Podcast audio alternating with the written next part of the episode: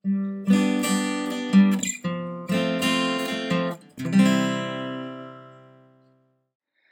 selamat datang di Opsi, obrolan psikologi kali ini di podcast pertama ini. Uh, saya kebetulan kedatangan tamu istimewa uh, dan kebetulan juga saya yakin deh nanti akan kedatangan apa sesuatu yang positif, sesuatu yang memotivasi kita terkait dengan bipolar.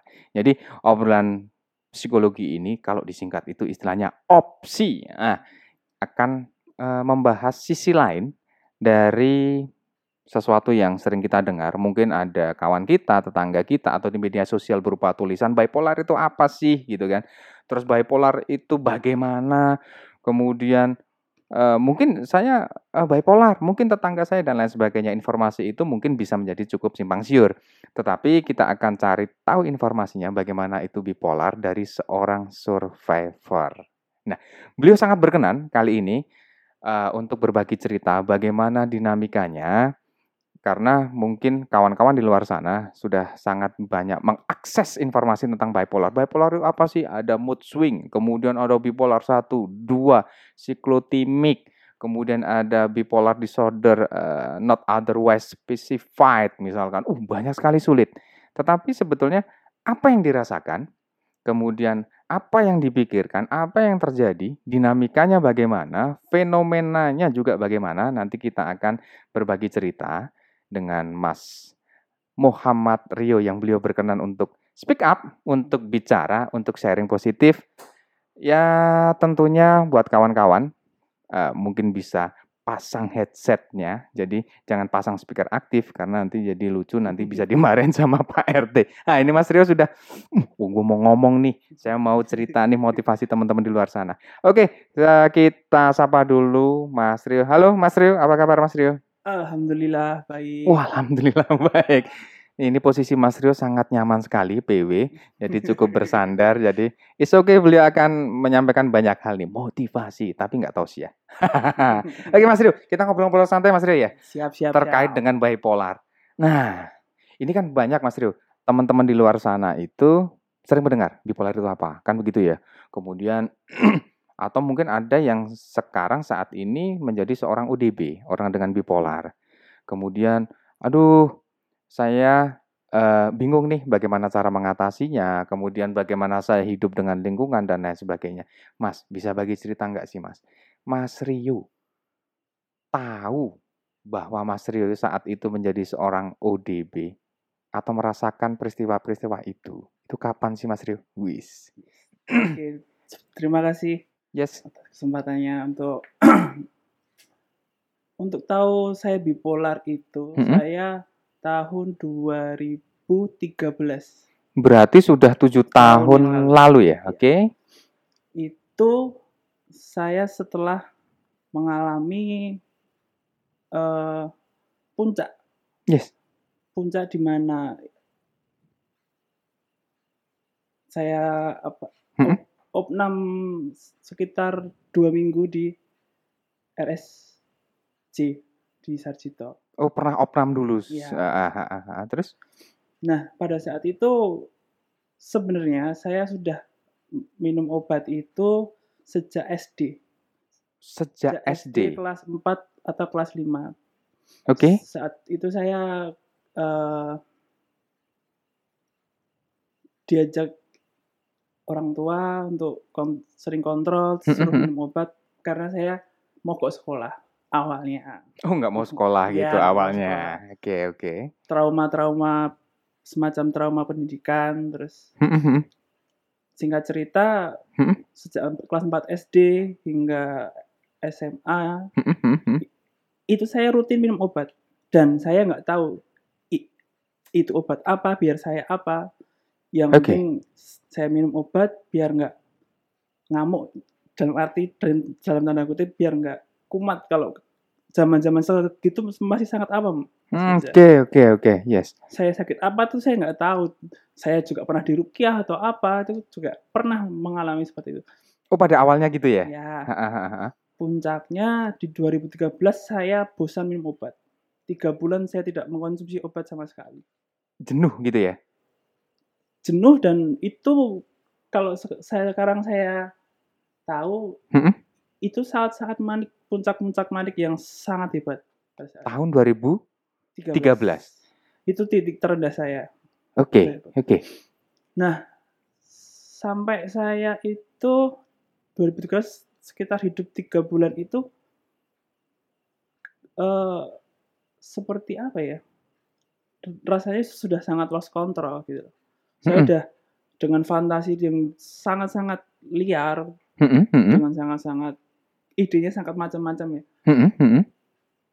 Ada satu kejadian itu saya sudah lost control dua minggu terakhir sebelum opnam itu saya hanya tidur sehari dua jam dan saya jam 3 pagi sering pergi entah ke mana pada saat itu juga ada semacam konflik juga dengan teman-teman dengan, dengan mhm. keluarga cuma di situ saya benar-benar bingung benar-benar nggak tahu nih kok saya kayak gini gitu loh. Tahu-tahu marah-marah tahu-tahu boros terus idenya macam-macam dan fantasi itu saya seperti orang saat main itu seperti saya yang seperti orang yang udah sukses dan udah sudah sudah kaya raya sudah eh, i- ini itu dibeli cuma terus akhirnya fisik lah yang menyadarkan saya untuk Iya. tahu-tahu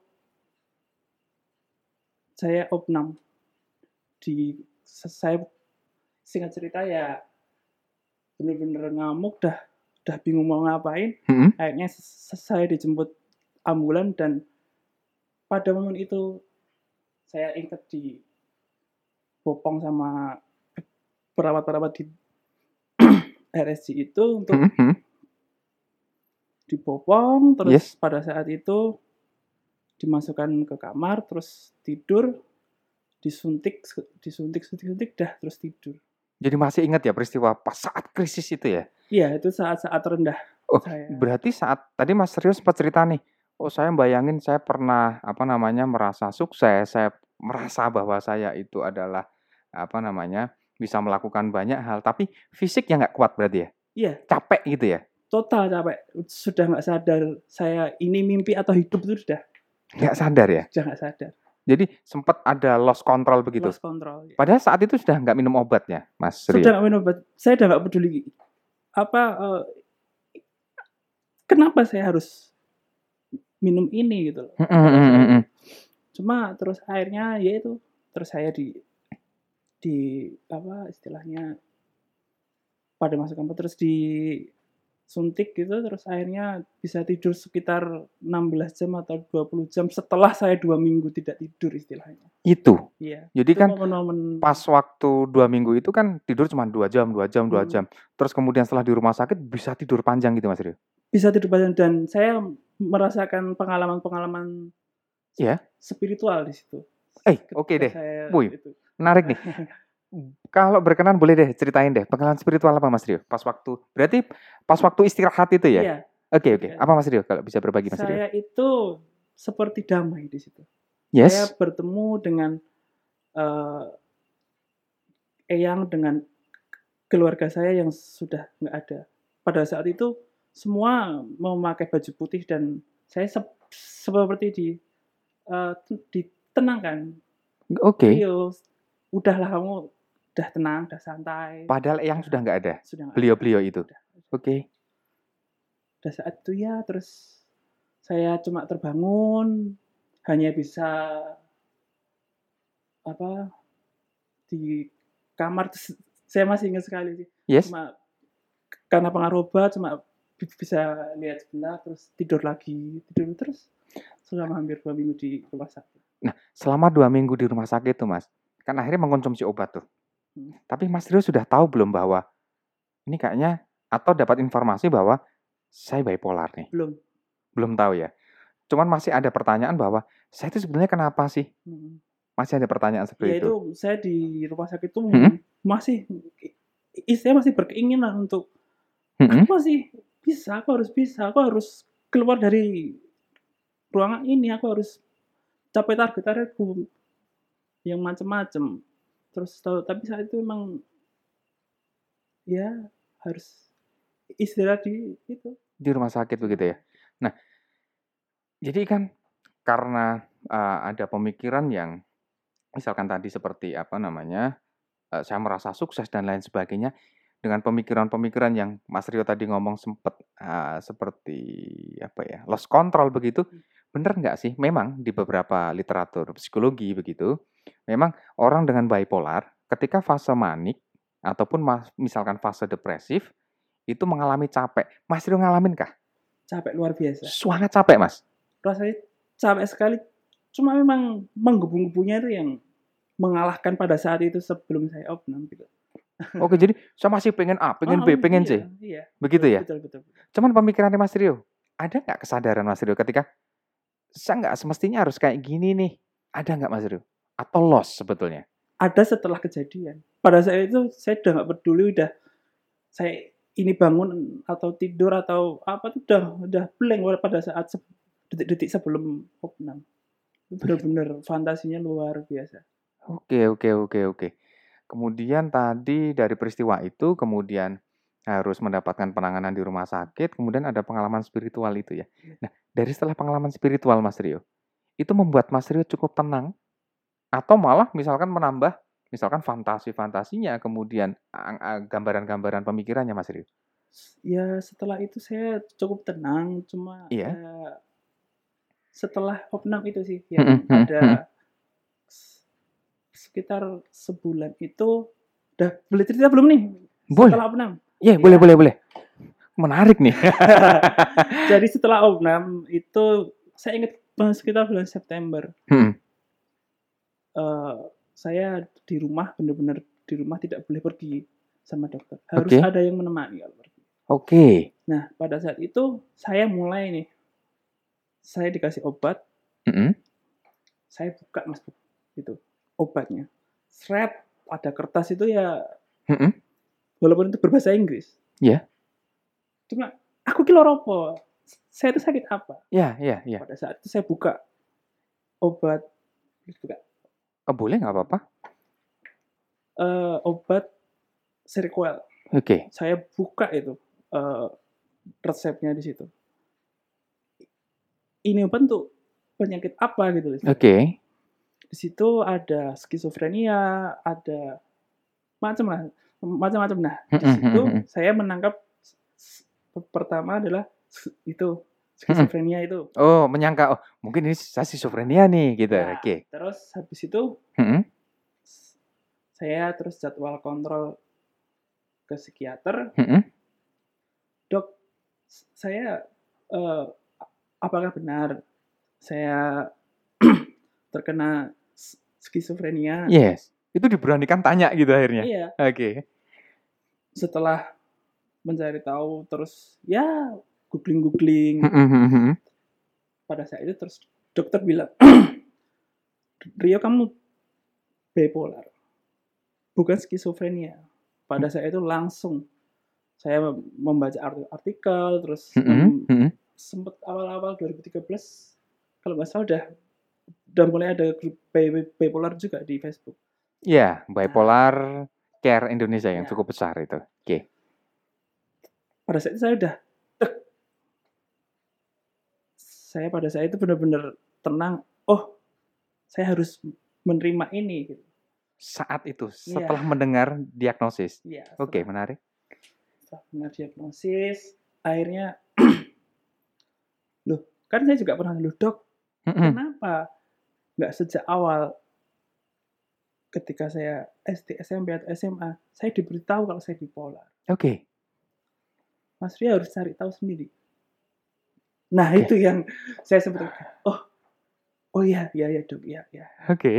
Terus? Itu, oh ya memang harus mengalami seperti ini berarti. Harus fase krisis tadi itu juga, oke. Okay. Itu terus akhirnya, oh iya Mas Mirza, Yes. Di 2013 itu se, se, ketika opnam berat saya 120 kilo.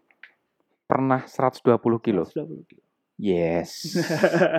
Oke, okay. sekarang segede ini dulu 120 kilo. Oke. Okay. terus ya terus pada saat itu saya benar-benar masuk ke 2014 saya benar-benar oke, okay, saya akan dulu, yes. saya di rumah, saya menghabiskan waktu dengan uh, bapak ibu, saya menghabiskan waktu dengan pacar saya pada saat itu. Ya, yang sekarang sudah jadi istri dan sudah jadi ibu dari anak. Oke. Nah, waktu itu saya setahun lebih itu hanya menghabiskan uh, me, istilahnya menyempitkan lingkungan. Saya nggak mau ketemu teman-teman di circle dulu gitu ya. ya Oke. Okay. Saya, saya benar-benar cuma terbatas. Pada saat itu hanya satu motivasinya. Oke. Okay. Saya pengen diet. Saya pengen harus bisa mengurangi berat badan. Itu Den ya. ya. Oke. Okay.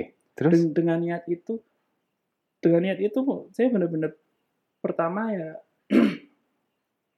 harus rajin minum air putih.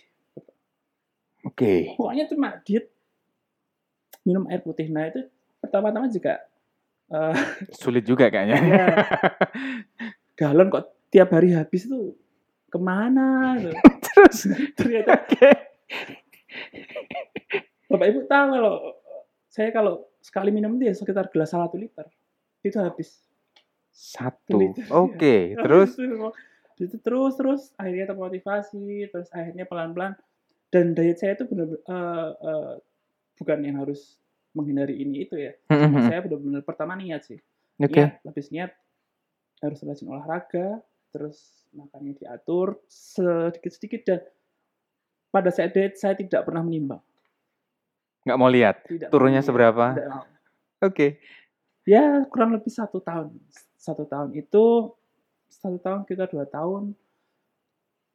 Uh, mulailah saya ke, ke kebangkitan saya dalam arti hmm. titik balik saya setelah saya benar-benar terendah benar-benar titik rendah itu terus ya pelan-pelan pelan-pelan terus tahu saya mencoba memberanikan diri ke main ke tempat teman-teman okay. kebetulan saya juga senang bola sih selama setahun itu saya kalau lihat bola sendiri okay. ke stadion karena benar-benar minder benar-benar minder benar-benar nggak mau ketemu siapa-siapa oke okay. oke okay, habis itu mulailah kebangkitannya di 2015 awal. Saya ada berat saya sekitar sudah sudah turun sekitar 20 kilo. Dari 120 satu tahun turun 20 kilo. Iya. Oke. Okay. Terus habis itu mulailah PD kepercayaan diri itu okay.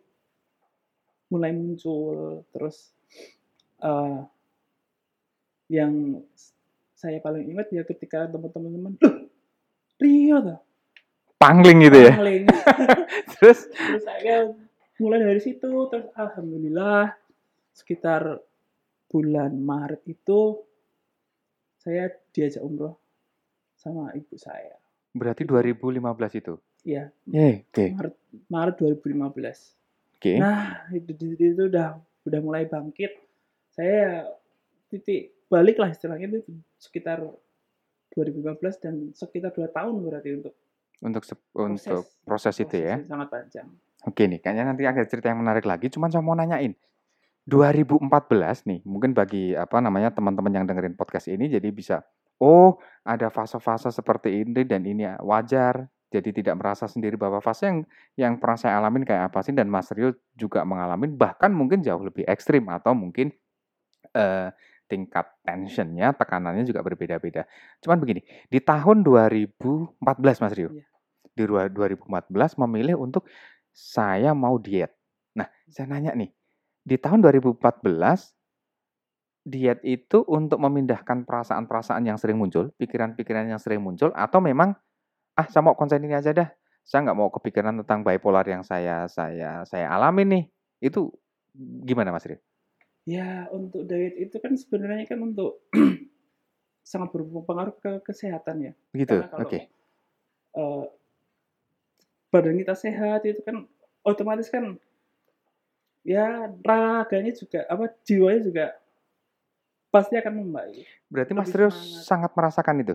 Sangat merasakan. Jadi uh, Mas Trio sadar bahwa oke okay, saya tahu sekarang saya bipolar, kemudian saya harus uh, menjaga apa namanya uh, pola hidup sehat dan lain sebagainya. Akhirnya dipus semangat di situ. Iya. Harapannya biar oke deh, uh, misalkan saya sehat, ketika saya menghadapi situasi-situasi itu, uh, misalkan mood swingnya, terus apa namanya, ya mood swingnya itu saya bisa lebih kuat. Seperti itu Mas Rio. Betul, betul. Tapi memang betul merasakan Mas Rio? Sangat merasakan sih. Karena kan kalau uh, obesitas pada saat itu kan memang hmm. cenderung kita males. Hmm, hmm, cuma di kamar, cuma. Yes. Kalau zaman anak sekarang kan istilahnya rebahan ya. Kaum rebahan ya. Kaum rebahan. Mag gampang mager. gampang mager. Nah, nah itu sebenarnya sangat-sangat sangat-sangat buruk sih kalau untuk untuk penderita bipolar ya. Karena kalau cuma kita di kamar itu kan cuma terkungkung ya harus keluar. Karena kemungkinan pikiran-pikiran negatif dan lain sebagainya pasti datang ketika kita sendiri. Mudah terkena trigger juga ya. Mudah, mudah. Sangat mudah. Jadi ketika olahraga akhirnya bisa jalan, bisa cuci mata ya, sambil ya. keringetan, mungkin sambil nanti sambil lari-lari, ya, jalan, ya. lari, pulang makan soto kan gitu ya. ya. fresh. Fresh. Oke. Okay. Akhirnya teman-teman, teman tangga, sapa-sapa, sapa-sapa udah. Dan pasti hilang perasaan. Dan itu cukup membantu. Cukup, sangat membantu. Di proses yang sampai hari ini nih.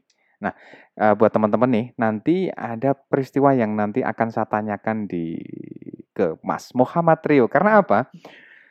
Mas Rio ini sangat-sangat apa ya, sangat adaptif bahasa psikologisnya. Jadi beliau sangat menerima apa yang terjadi sampai hari ini. Kemudian beliau bangkit nanti ada cerita umrohnya tadi itu. Mungkin akan kita kulik-kulik di situ. Terus ada satu cerita Mas Rio itu sangat aktif nih sekarang.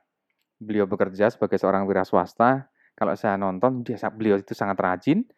Dia membangun usaha, kemudian dia juga bekerja. Sangat sibuk sekali karena apa? Mas Rio bukan nggak berkenan ketika saya harus uh, apa ngobrol-ngobrol santai seperti ini untuk speak up. Bukan karena itu, tapi karena sibuk. Jadi saya harus nunggu jadwal dari Mas Rio.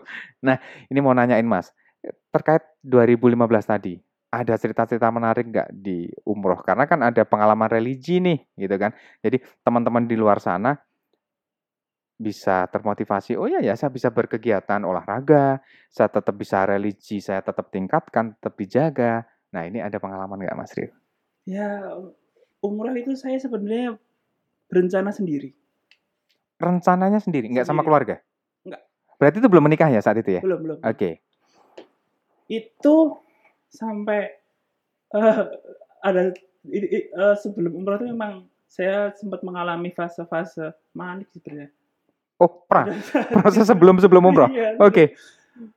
Ada uh, naik turun naik turun ya namanya kepikiran wah bentar lagi umroh harus apa harus ini harus itu sempat sempat ya memang mengalami itu itu batasnya itu sekitar dua minggu sebelum umroh. Mm-hmm. Saya masih rutin kontrol dan pada saat akhir uh, dokter itu memang Rio nggak boleh sendiri umrohnya. Berarti sempat konsultasi dengan psikiater, Bu, yeah. saya mau umroh nih. Yeah. Terus dikasih saran jangan sendiri. Iya. Yeah. Oke. Okay. Terus itu pendaftaran terakhir akhirnya saya ya ditemenin sama ibu sih.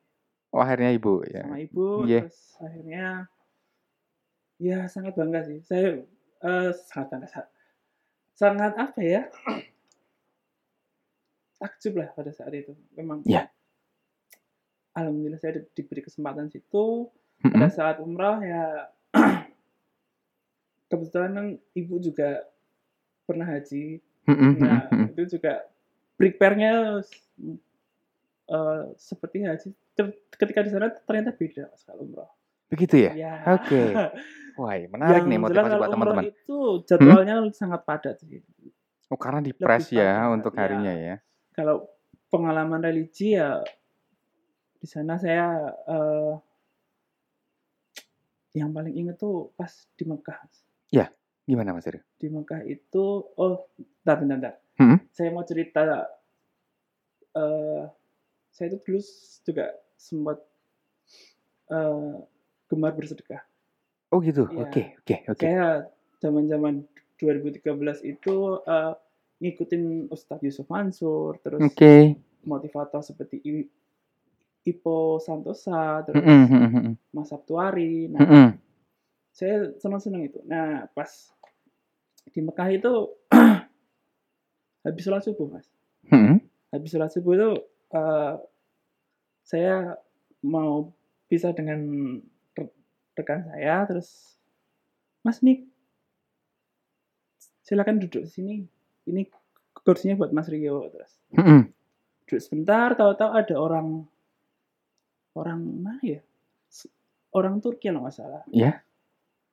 Ya ngobrol-ngobrol dengan bahasa sebisanya bahasa bahasa bahasa, bahasa ala kadarnya di sana.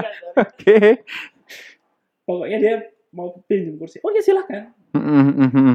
Pada saat itu benar-benar di depan makam. Iya. Yeah. Saya dikasih uang. Ya nominalnya juga lumayan juga sih. Dan saat itu, itu ya. Uh, uh, apa ya? Kaget gitu loh. Iya, yeah, iya. Yeah.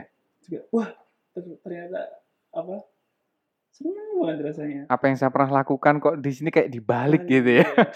okay. Terus ya bisa apa melaksanakan semua semua prosesi pas umroh sih. Yang yang paling ingat sekarang ya ketika berdoa di Raudhah juga hampir semua uh, ya kalau di checklist itu udah centang semua istilahnya. Oke. Okay satu satu ya. satu satu semua yang di di di berdoa waktu di roda itu semua semua sudah, sudah. clear dan dan, dan dan itu membuat saya rasanya pengen umroh lagi sih karena kan udah goal semua kan istilahnya saya balik sana lagi mau minta lagi apa begitu ya Mas Rio oke nah yang menarik gini Mas Rio mungkin ada kawan-kawan di luar sana aduh saya seorang ODP kemudian khawatir saya ketika nanti umroh saya mungkin apa namanya uh, beraktivitas di sana terganggu atau tidak. Ada pesan-pesan nggak Mas Rio? Misalkan mau umroh nih, kawan-kawan ada yang ODB di sana. Okay. Itu gimana Mas Rio? Uh, untuk teman-teman yang untuk teman-teman ODB yang mungkin berkesempatan dalam waktu dekat umroh ya, yang jelas sebelum umroh tetap jaga kondisi, tetap iya. rutin yeah. uh, kontrol ke psikiater untuk konsultasi mm -hmm. dengan apa terkait dengan obat-obat yang harus diminum apa. Yang jelas uh, harus disiplin, tetap disiplin minum obatnya, tetap rajin berolahraga sih sebelum umroh. Jadi mempersiapkan kesehatan gitu ya, kesehatan fisik tapi obat tetap eh, apa namanya tidak dilupakan, tetap ya. berkonsultasi sama psikiater gitu ya Mas Ria. Ya. Tetapi ketika mengkonsumsi obat misalkan dinamikanya di sana nggak ada terhambatnya Mas Rio. Enggak, ketika beribadah, ketika melakukan udah, prosesi. Di sana pokoknya udah senang aja sih. Jadi melakukan kegiatan spiritual seorang ODP tidak ada masalah begitu ya Mas Rio? Clear. Oke, menarik nih Mas Rio. Tapi yang penting harus ada temannya. Kenapa Mas Rio? Nah, ya. ini. Oh iya. ini kenapa harus ada temannya? Kalau bisa ya uh, yang paling penting itu kalau bisa harus uh, ketika awal itu lebih baik sih direncanakan dengan keluarga yang lain, entah saudara atau om atau tante yang satu apa misalnya apa pria juga sama-sama sama, uh, sama pria begitu. Sama pria gitu. Terus sebenarnya temen aja sih. Begitu ya? Ya karena kemarin sempat pengalaman sama sama ibu mm -hmm. ketika di masjid harus pisah terus. Oh iya, karena kan iya betul. Nah, ha, Kalaupun nggak ada teman harus berani mengakrabkan diri ketika manasik. Umur sekali kan harus punya teman akrab. Ya untuk ngane ya, ya. oke. Okay.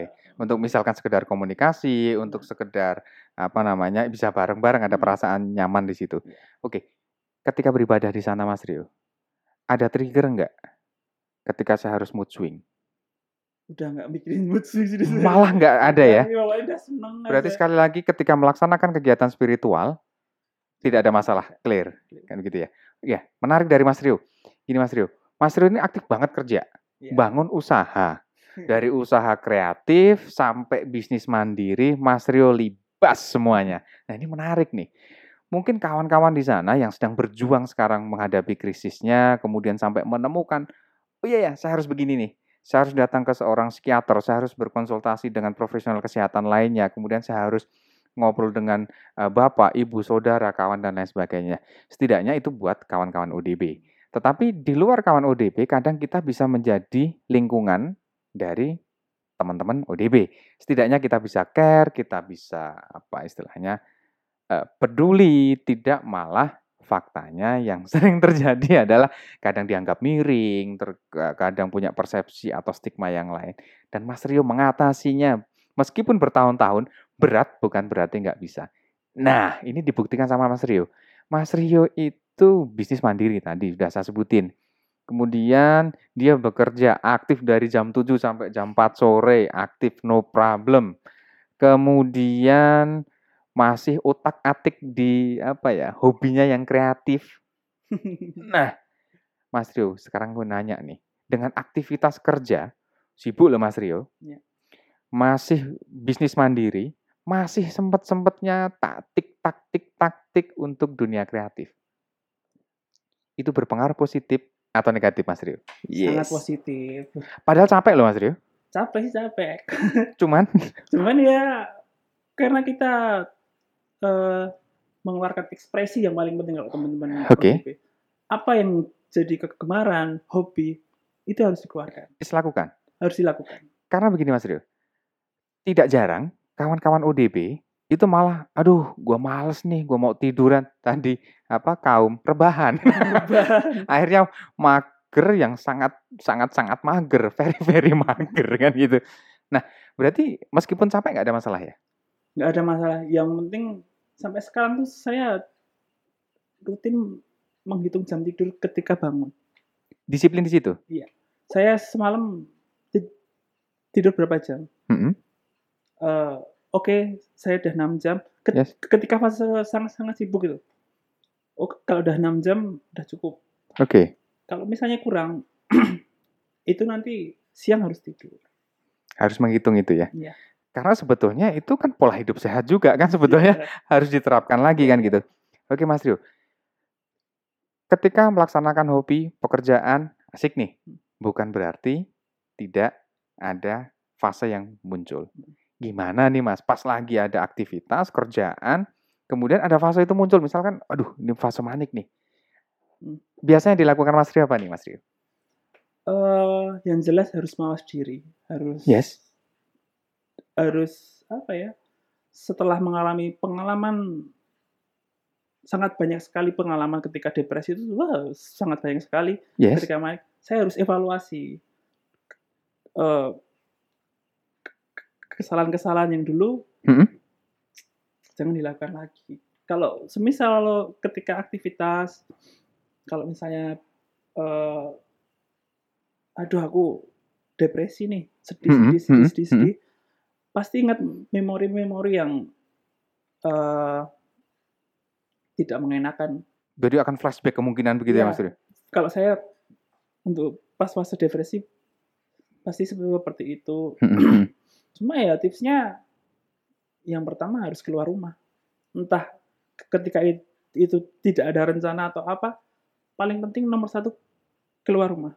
Terus beraktivitas. Beraktivitas apa pun, entah itu mencuci motor, apa ber, apa berkebun atau yang yang penting bangun pagi kalau bisa bangun subuh itu sangat-sangat efektif sih untuk mengatasi depresi ketika depresi. Agar refresh begitu ya Mas ya. Jadi misalkan kawan-kawan muslim kemudian bangun subuh itu juga apa namanya uh, pola hidup sehat kemudian misalkan menjalankan sholat kemudian dan beraktivitas begitu ya Mas Rio? Iya. Yang paling asik kalau hidup di kota ya jam 5 yang jam-jam subuh itu coba keluar ke kota-kota pasti fresh pasti fresh. Itu tips-tipsnya ya. ya. Jadi ketika misalkan kawan-kawan apa dalam kondisi saat ini adalah ODB jadi ketika subuh jangan mager kan gitu kan. Karena di kota itu mungkin menjajakan kenyamanan, iya. ketenangan. Ya. Begitu ya Mas Ria? Wih, oke. Okay. apa uh, melihat apa ya? Pagi yang benar-benar di kota sangat asik sih. Asik ya, udaranya masih segar kan gitu kan. Belum belum banyak yang beraktivitas, melihat lampu-lampu kota. Gitu uh, kan. mengenakan banget view yang enak banget ya itu ya. Jadi sebetulnya ada view yang mendukung untuk bahagia di pagi hari. Ya. Jadi kalau bangun pagi saya kira cukup cukup bantu gitu ya. Sangat membantu. Oke Mas Rio, ini uh, orang-orang, siapa aja sih Mas Rio yang bisa atau yang mendukung Mas Rio sampai sekeren ini mau speak up, tidak tidak ragu untuk mengatakan saya seorang ODP, ada orang-orang yang penting di situ, Mas Rio. Ya. Nah, itu siapa aja sih, Mas Rio? Karena gini, mungkin eh, kawan-kawan di luar sana menganggap bahwa, aduh, orang-orang itu nggak nggak A, nggak B, nggak C, nggak D. Mungkin bisa berbagi info nih. Kalau di hidup Mas Rio, siapa yang berjasa? Yes. Yang jelas ya, ibu, ibu, ibu, bapak, dan istri. Yes, ibu tiga kali. Ya, tiga bapak Yes, dan istri. Bapak dan istri. Mereka orang yang beliau-beliau. Berjasa sih dalam arti sebelum saya menikah jelas sangat suka. Orang tua sangat effort sekali untuk gimana caranya saya saya bisa uh, tetap harus normal, harus Yes. benar-benar Yes. ya harus harus sangat rutin apa untuk kontrol segala yang terjadi dengan saya itu pertama itu sih bapak ibu Dan betul, apakah Mas Rio membutuhkan sosok ibu, sosok bapak itu betul sekali. Kemudian sekarang sudah ada eh, Nyonya Rio dan si kecil. kecil Nah. ya. Lingkungan itu memang dibutuhkannya Mas Rio ya. Sangat-sangat dibutuhkan yang jelas kalau dengan istri saya eh, istri itu udah mendampingi saya dari pacaran tahun 2009 Wow.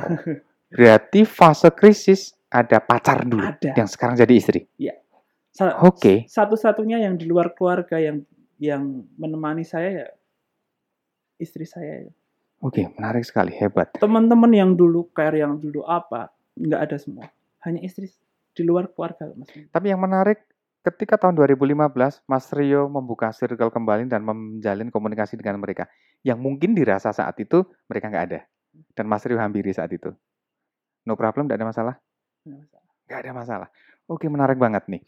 Nah, jadi kan gini Mas Rio, banyak mungkin ada yang putranya, putrinya mengalami bipolar, kemudian orang tua nggak tahu saya harus bagaimana, harus bagaimana. Tadi dari cerita Mas Rio bahwa bapak, ibu, orang terdekat itu akan menjadi apa ya istilahnya, akan menjadi kawan, akan menjadi lingkungan dan dibutuhkan ketika mengalami krisis ataupun dalam kondisi eh, manik maupun depresi dan lain sebagainya. Dan itu cukup membantu. Jadi eh, kehadiran mereka sangat dibutuhkan begitu ya, Mas Rio ya. sangat dibutuhkan Sangat dibutuhkan. peran-peran orang tua sangat Oke, ini menarik Mas Rio.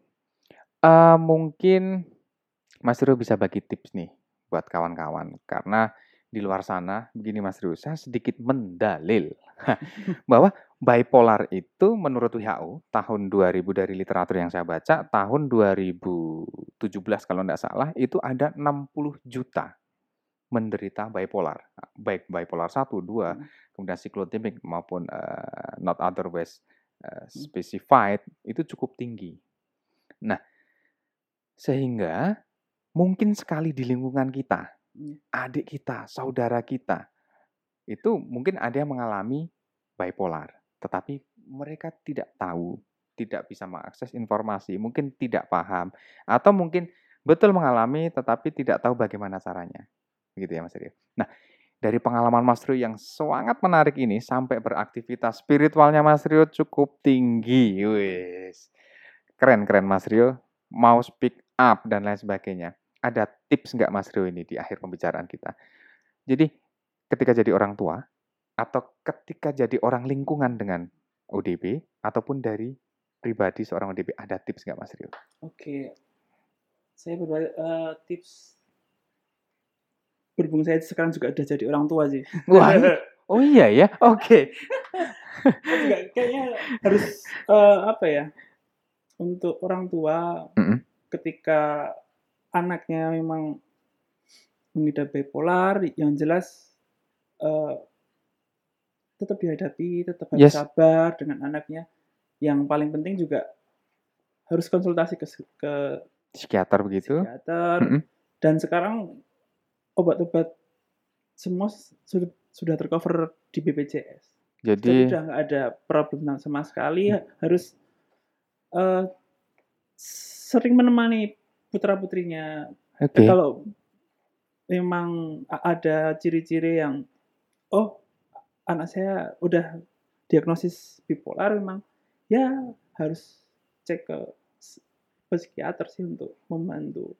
Itu ya untuk Ya, terus Mhm. untuk teman-teman ODB yang mungkin mengalami fase-fase berat pada saat ini ya harus survive, harus tetap semangat, harus eh, terus tetap berkarya sih kalau teman-teman bipolar entah pinter bermusik atau Mhm. menggambar Mhm. harus dikeluarkan ekspresinya karena biasanya yang teman-teman bipolar itu memil- memiliki memiliki bakat-bakat seni biasanya begitu Mas Rio. ya entah itu pinter bernyanyi atau bermain piano atau Hmm. menggambar sih yang Iya. paling sering Yang paling harus sering. dikeluarkan ekspresinya. Oke. terus kalau yang sedang sekolah ya tetap harus rajin sekolah tetap harus sering-sering dengerin YouTube Eh, apa sih? Bipolar itu apa? Kalau teman-teman yang depresi juga harus tetap semangat Eh, apa ya? Jangan terpuruk dan jangan mau kalah sih de- dengan dengan pikiran-pikiran negatif atau bahkan sampai eh, ke hal-hal yang buruk lainnya entah itu menyakiti diri sendiri atau apa. Oke. janganlah kita tuh harus tetap apa ya ya tetap harus semangat sih Oke, terima kasih sekali Mas Rio. Nah, ini mungkin untuk closingnya. Jadi menarik sekali tadi yang di, diobrolin sama Mas Rio. Mau berbagi pengalaman dan itu sangat inspiratif, sangat positif sekali. Mengapa?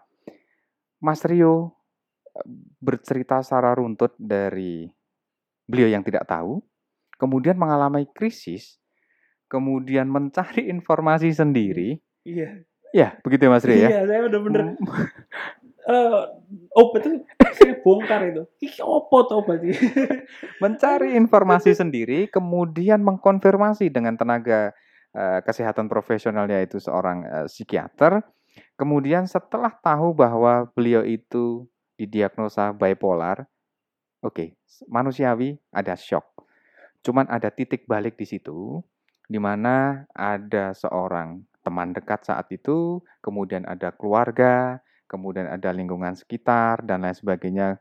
Nah, ada pesan yang menarik dari obrolan tadi Mas Rio bahwa ketika kita mengalami atau menderita uh, bipolar, is okay, beraktivitaslah, istilahnya ekspresikan passionnya. Biasanya kawan-kawan bipolar uh, lebih ekspresif untuk mengungkapkan dengan seni. Mengapa? Dalam dunia psikologi memang ada salah satunya ada terapi seni. Mengapa terapi seni cukup bisa membuat kawan-kawan bipolar itu lebih uh, lebih tenang, lebih bahagia, lebih apa namanya, lebih positif. Karena dengan bahasa seni ada sesuatu yang tidak bisa diungkapkan dengan kata-kata, tetapi diungkapkan dengan lukisan, dengan musik, dengan suara, dengan ekspresi, dengan kegiatan. Jadi, bipolar tidak menghambat kegiatan sehari-hari, tidak menghambat kegiatan untuk spiritual dekat dengan Tuhan, tidak menghambat untuk kita bisa berkarya. Is oke, terima kasih sekali Mas Rio. Ada pesan lagi mungkin ini, tambahan Nah, Mas Rio. tambah lagi yang jelas yang Yes. untuk sekarang pun saya tetap tetap masih rutin kontrol teman-teman Oke, masih sebulan sekali saya rutin kontrol dan Mhm. jangan takut lah saya ke ke rumah sakit tetap Mhm.